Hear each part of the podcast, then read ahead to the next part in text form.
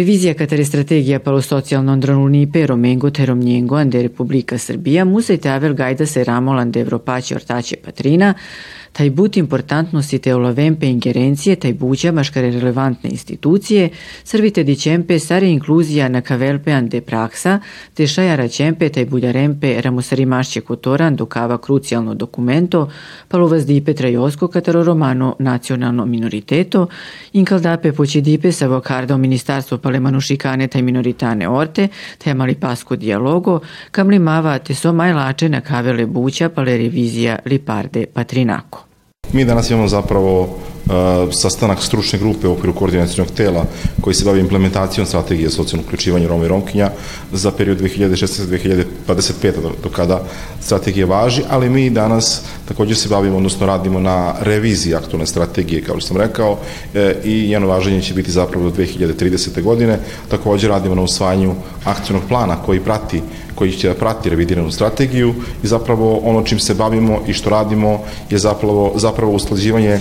strategije sa zakonom o planskom sistemu Republike Srbije, sa ciljevima koji su definisani u okviru Poznanske deklaracije, čiji je Srbija e, potpisnica zapravo ratifikovala, ratifikovala sporazum. Takođe se bavimo i revizijom u tom smislu da e, strategija, naša nacionalna strategija za Rome mora biti usklađena sa EU okvirom za Rome i dakle svim onim merama koje su, koji su tu prepoznati. Takođe ono što smo mi definisali u našoj strategiji, što je nama jako važno, i da se bavimo i kraćim životnim vekom Roma, odnosno da kažemo da je e, po, po istraživanjima relevantnim čak 19 godina Romi žive prosečno manje od većinskog stanovništva i to je nešto smo prepoznali kao takođe jako važno. Takođe se bavimo i onome i onime, onome što, onime što su ostavile posledice uh, u okviru uh, COVID-a i svega onoga što, što prati, dakle pandemija i merama koje treba, kojima treba da, da, da reagujemo E, i u toku naredne, ove godine, naredne godine, ali nekim godinama koje dolaze zapravo te neke posledice koje će pandemija da ostaje pre svega na mentalno zdravlje celokupnog, svih građana zapravo Srbije, pa tako, tako i Roma. Strategija i to prepoznaje. Ono što je danas meni lično zadovoljstvo je što su ovde sa nama i predstavnici civilnog društva, dakle imamo neke vrlo snažne, snažne impute i važno je da čujemo šta to kaže romska zajednica. Imamo danas predstavnike i asocijacije zdravstvenih medijatorki, asocijacije pedagoških asistenta, stranaca, zapravo imamo ovde i predstavnike koordinatora za romska pitanja, imamo ovde predstavnike e, Unije studenta, imamo žensku romsku mrežu i prosto imamo predstavnike e, iz MUPA, zapravo asocijacije pripadnika manjina koji su deo Ministarstva unutrašnjih posla, dakle okupili smo jedan zaista, da kažem, civilni sektor koji je, koji je reprezentativan i koji nam daje zaista sjajne neke impute i juče i danas i u ovoj dodanoj radionici kako bi taj dokument izgledao što bolje, što kvalitetnije, a u interesu romske nacionalne zajednice. I meni, meni je drago da sam mogu da čujem komentare od mojih kolega ovde, pre svega iz romske zajednice, da su oni zadovoljni kako ova diskusija i rad teče, zato što je zaista nama važno da strategija dovede do promene na lokalnom nivou, tamo gde se život odvija. I to i jeste cilj ove strategije i država Srbija vrlo jasno pokazuje i pruža punu podršku svim građanima Republike Srbije, pa tako i pripadnici romske nacionalne zajednice, kao jednoj kategorija koja se tetira kao najosetljivija, najugroženija i država Srbija danas to prepoznaje. Kancelarija za inkluziju Roma po prvi put je uzela učešće zvanično kao telo e, ispred e, vlade Vojvodine da negde da svoj doprinos kako bi e, nova strategija koja bude za period 2022-2030 e, bila univerzalna i negde ono što su potrebe samih lokalnih samouprava u Vojvodini i Roma i Romkinja u Vojvodini budu direkt unete u ovu strategiju. Ono što je važno jeste da negde koliko god mi e, na nivou autonomne pokrajine Vojvodine možda smo do sada imali svoje mere i svoje aktivnosti koje smo sprovodili, e, shvatili smo da bez obzira na to kancelarija donela e, veoma svojim aktivnostima je doprinela samom procesu inkluzije e, što se tiče Roma i Romkinja i e, putem toga ćemo zajedničkim snagama sa svim e, ministarstvima, nevladinim organizacijama i svim važnim činiocima koji prinose aktivnoj inkluziji Roma i Romkinja izraditi jedan zajednički dokument koji će biti univerzalan na republičkom nivou, a zatim ćemo gledati da što više spustimo na lokalni nivo i prilagodimo stvari lokalnom nivou kako bi svaki Rom i Romkinja na nivou svog lokala imali kvalitetniji i bolji život. Ono što je važno jeste da smo pošli od toga e, šta je urađeno, gde smo i šta smo i gde želimo da budemo. E, naravno da je svaki lokal za sebe i naravno da su problemi e, negde u zavisnosti i od lokalnih samouprava ne puno drugačiji, ali su drugačiji. E, smatram da je veoma važno što kad smo se sastali svih ovih dana i na prethodnom skupu i verovatno još za mesec dana, s obzirom da moramo ubrzano da radimo kako bi strategija bila usvojena do kraja ove godine sa jednim e, jasnim akcijanim planom za narednu godinu, E, negde ćemo morati da saberemo sve utiske, šta je to dobro što smo radili, a šta je to na čemu treba više da radimo. Ono što će biti akcenat ove e, naše strategije i možda gde ćemo imati najviše predloga mera jeste oblast zapošljavanja i stanovanja s obzirom da su to oblasti u kojima ćemo najviše raditi kako na republičkom, pokrajinskom, tako i na lokalnom nivou. Sărincăldape, mai la acea risimată geacana terdine pe andosicimansco cotor, au economicanu economicano zurălipe avea la andofocus-o ande avutni vriam. Vrijama predložene još jedna e, aktivnosti u okviru mere koja se tiču e, samih pedagoških asistenata u sistemu obrazovanja, a to je da se poveća mreža, se poveća mreža, nešto što je isto predloženo je to je da se napravi sistem monitoringa praćenja efekata rada pedagoških asistenata, jer to je dobra, dobra stvar da bi se na neki način evoluirali rezultati ako pomenjemo da, da postoje određeni rezultati, ako to ne pretočimo u brojke i ne predstavimo to kroz te kvalitativne, odnosno kvantitativne indikatore, onda prosto ne možemo da dođemo do pravih opipljivih rezultata, prosto da ne bude to samo pusta priča, nego da se prosto vodimo statistikom i brojevima i da predložena je mera da se poveća, ono što je za nas jako bitno, da bi uh, održali ovu strukturu, postojeću strukturu, mi moramo da obezbedimo regulisanje radnopravnog statusa, jer u poslednjih, ono što je, nažalost, prepoznat koja je značajnih izazova u, od kada je pravilnik o pedagoškoj asistenciji uveden, je da je pada motivacija za opstankom rada naših Roma na toj poziciji. Zašto? Zato što prosto novi pravilnik je e, nekima ograničuje mogućnost e, tog punog radnog angažovanja, smanjenjem radnog angažovanja u odnosu na e, u kontekstu na broj dece s kojima se radi je smanjilo recimo ono što je da kažemo značajan i naj, najbitniji, najmotivirivići faktor za angažovanje to je plata, tako da je to ono što mi očekujemo da se kroz radni pravni status reši, ono što je za nas jako bitno da se regulišu procedure. Mi dan danas imamo i posle uh, eto, godinu i dana uh, primjene pravilnika imamo problem da obrazovne institucije ne otvaraju na vreme konkurse za, uh, za zapošljavanje pedagoških asistenata, tačnije, iako imamo prostora da to u avgustu otvorimo, uh, neke škole pa i preškolske ustanove, uh, nažalost, još uvek drže naše kolege i koleginice na ugovorima na dva meseca do zatvaranja konkursa, do otvaranja konkursa za pedagoške asistente, što nažalost u nekim sredinama imamo situacije da recimo naše koleginice ne rade u septembra meseca, nego čekaju trenutak kada će škola da otvori konkurs za ovo i kada sprovede cela procedura, što je, priznaćete, znači kako pogubno za samu decu, a tako i jako demotivirajuće za, za čoveka koji, recimo, imamo koleginice koja radi po 10 i više godina, a onda od septembra umesto da uđu u svoj radni kolektiv i da u, u početku školske godine, godine budu ta podrška e, deci i porodicima, u, da od samog starta budu tamo da im je mesto, nažalost nemaju prilike da budu angažovani ili čak neki volontiraju, u tom periodu kako bi podržali porodice i decu pre svega da budu deo sistema. Tako da je naš predlog isto bio da dođe do revidiranja uh, samog pravilnika i da normalno uz komunikaciju sa svim ostalim akterima, pre svega sa Ministarstvom prosvete, e, dođemo do regulisanja. Bio je i predlog, e, između ostalog, jedan od predloga strane Ministarstva prosvete je da se e, stat, radnopravni status reguliše time što bi se prebacila, prebacio deo odgovornosti, odnosno angažovanja na lokalne uprave, mi smo se usprotivili tim, tom predlogu u smislu e, da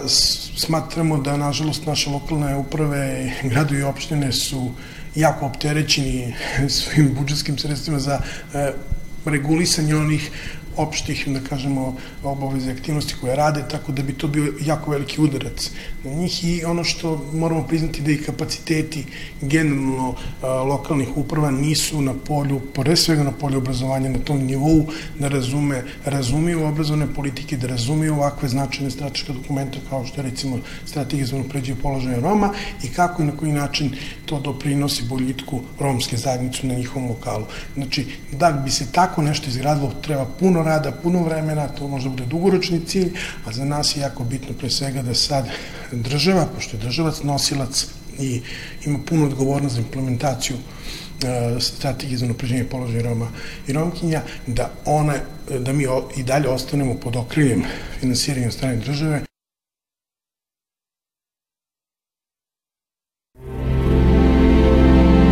Gledate paletu. Izbor iz emisija na jezicima nacionalnih zajednica.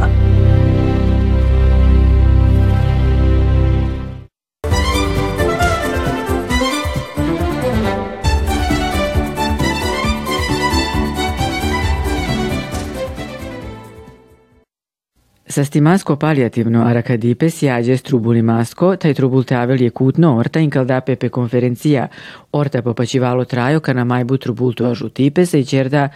e dasikano sastimasko amalipe, amalipe katare sa starne vojvodinaće, taj pokrajnako ombusmano. Pekaja konferencija li nekotore sa starne, filozofuja, socijalne bućarne, sociologuja, taj teologuja, te šaj saketane na kaven kava paripe. U kontekstu zaštite ljudskih prava i prava na dostojanstvo, e,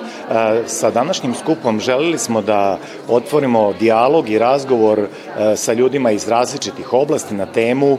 palijativnog zbrinjavanja i palijativne nege, odnosno situaciju kada nam je pomoć najpotrebnija, a možda nam upravo ona tada nedostaje. Ova tema mora se sagledati iz pozicija različitih onih eh, koji eh, su u suštini tu spremni da tu podršku pruže. Znači, eh, medicina, znači na kraju krajeva zaštitnik prava građana, znači tercijarno, sekundarno i primarno zbrinjavanje, jer samo svi zajednički službe socijalne zaštite, svi zajednički možemo da doprinesemo podršci građana u situaciji kada im je ona najpotrebnija. Bez ovog razgovora nećemo moći da pozovemo donosioce odluka da e, zaključe kako mogu iz postojećih resursa da e, doprinesu što boljem e, rešavanju i što boljoj davanju podrške građanima u takvim situacijama. E, vidimo ovde i e, izuzetno veliki broj stručnjaka iz različitih oblasti. Evo da čujemo koliko je ta sinergija različitih struka za ovu oblast značajna i obzirom da je ovo međunarodni skup, e, koliko je značajna razmena iskustava. Od naših učesnika želimo da saznamo kako to izgleda u njihovim zemljama, odnosno kako se ova problematika rešava u nekim drugim zdravstvenim sistemima, jer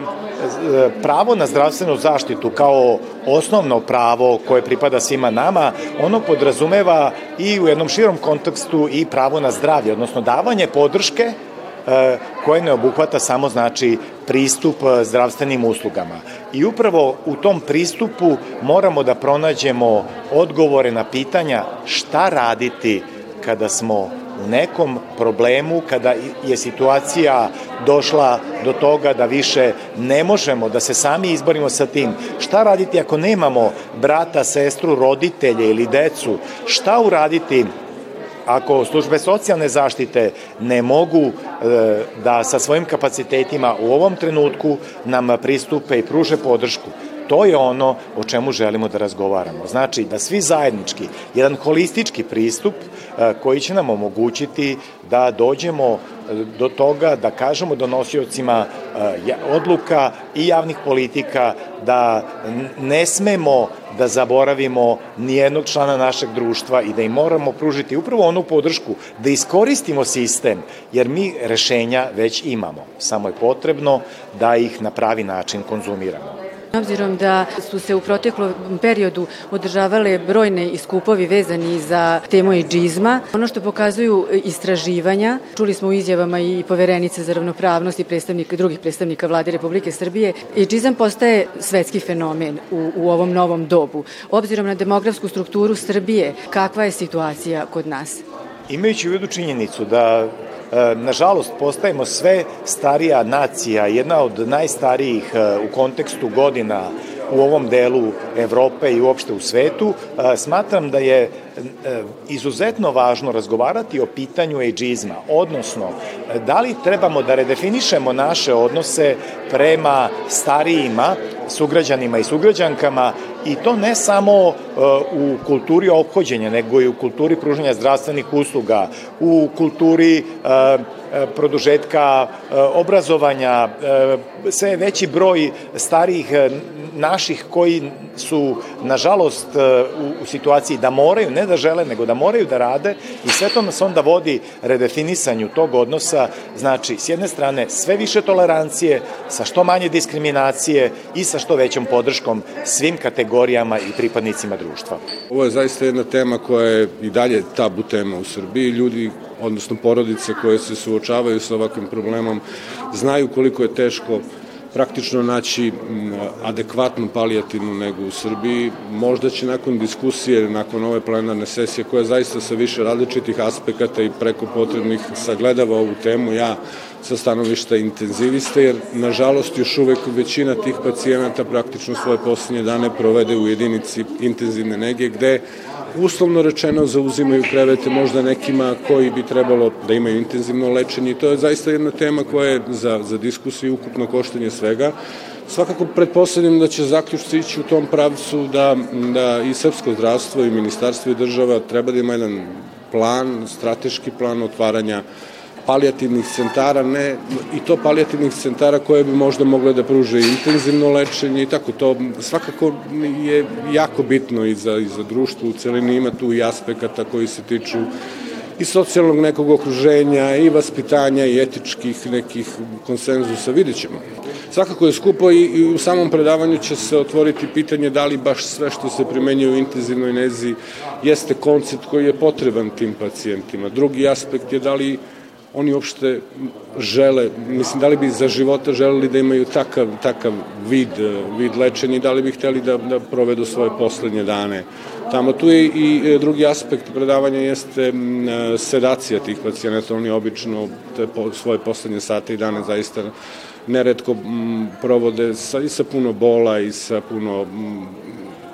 različitih psiholoških doživljaja koji zahtevaju primenu i sedativa i hipnotika. I tako to je takođe kontroverzna tema jer su to lekovi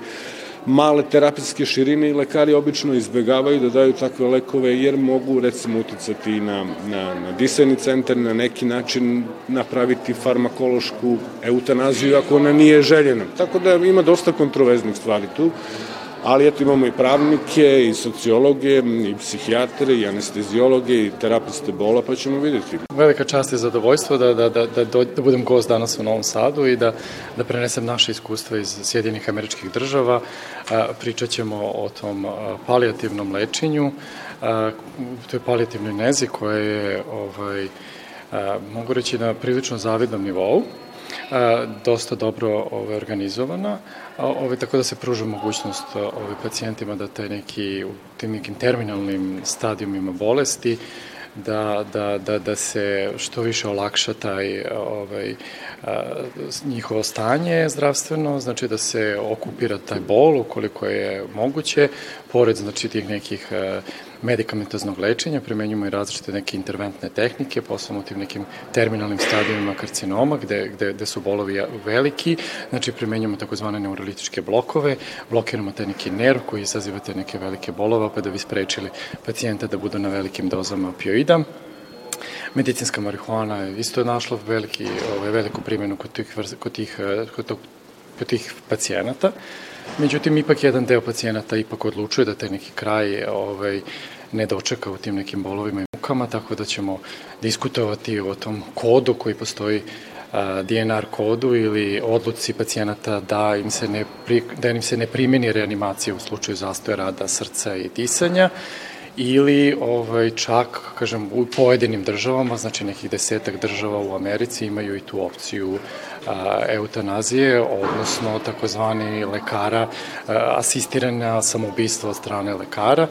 a, tako da ćemo se malo dotaći i te teme. Do desetak država, Oregon je bio prvi, znači to je još nekde 94. 96. godine, ove druge države, znači Washington je krenuo, mislim, oko 2006. ove ostale, Kalifornija, uglavnom, znači, uglavnom na, na, na zapadnoj obali. Tako da postoji dve, znači, dve te mogućnosti ili mogućnosti, znači, eutanazije, ovaj, praktično, a, gde se pacijenti ovaj, uvode u sedaciju, ovaj, gde se daju velike doze, ovaj, znači, barbiturata ili ili propofola, znači uvode se u komu. Postoji jedan rad koga ću ja danas prezentovati koji gleda u, u principu u celom svetu. Pratili su studije koji su se bavili time, tako da postoji u principu, ja mislim, nekih 75 studija koje su rađene sa pacijentima, znači gde je rađena eutanazija i takozvana asistirano samoubistvo strane lekara, znači u principu prepisivanje lekova koji će dovesti definitivno znači do tog nekog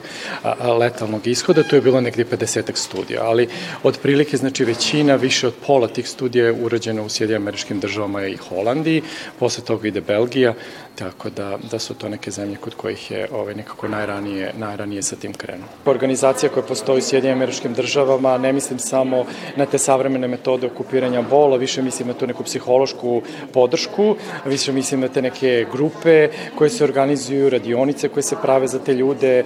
znači ono što je jako važno da oni shvate da nisu sami, da postoji drugi ljudi u problemu, istom, sličnom, tako da, da njima i tekako znači kad podele to iskustvo sa, sa drugim ljudima, ovaj, i kad vide da nisu sami, kad dobiju tu neku ovaj, psihološku podršku, pored te neke podrške lekara i zdravstvenih radnika, tako da, eto, nadam se da, da, da to neko moje iskustvo iz Sjedinje američke država će pomoći kolegama ovde. Što se tiče današnjeg skupa, ja vjerujem da će on umnogome pomoći da e, bolje razumijemo, pa u krajnjoj liniji u praksi nešto uradimo po pitanju predrasuda prema e, starima. Odmah valja kazati da predrasude prema starima ili ti naučno definisan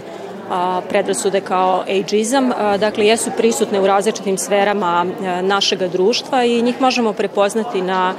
interpersonalnom, međugrupnom i na sistemskom nivou. Ja sam se posebnije bavila profesionalnim ageizmom, dakle ageizmom u polju medicine i vezano za današnji skup ageizmom u oblasti palijativne njege i zaštite, gdje zapravo istraživanja različita pokazuju da je to pojava koja je veoma raširena i nažalost opasna. E, ono što je poruka različitih istraživanja jeste da životi starijih manje važe od života mladih, a jedna takva poruka i jedna takva, ajde da kažem, predrasuda od koje se polazi u praksi može biti jako opasna i to se zaista pokazalo, ako hoćete, u doba ove naše nove normalnosti 2020. pa i 2021. kada se zapravo dogodilo da su stari na drugačiji način tretirani negoli mlađe generacije koliko bi se razboljeli od e, COVID-19. U krajnjoj liniji e, znamo podatke iz Španije, iz Italije, koliko starih ljudi je zapravo i preminulo od ove bolesti, a u nedostatku adekvatne pomoći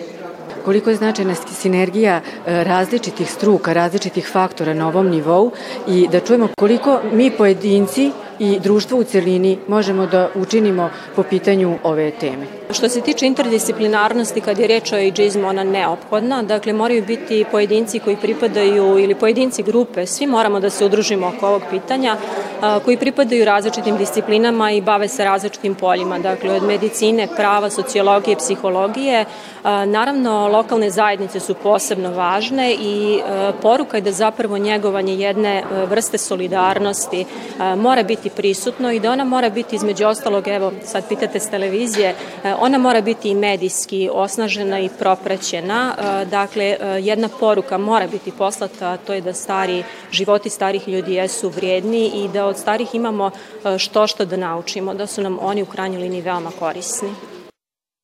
Palijativno rakadipe musajte abel palesajek forutne, bigo dolesko sile vare aračelle, jal na servite delpe multidisciplinarno inčaripe te žutipe katere sa starne, sa stimašće bućarne, socijalne te sa stimašće servisuja, te delpe ketanimasko psihološko te ođako arakadipe na svale manušenđe, tajlenđe familijenđe pejektan, te sistemuja katero sa stimasko socijalno rakadipe, lačarempe gajda te šaj majlače te perempe trubulimata katarkola sa venđe trubul palijativno arakadipe, čija će si alava pokava maladipe.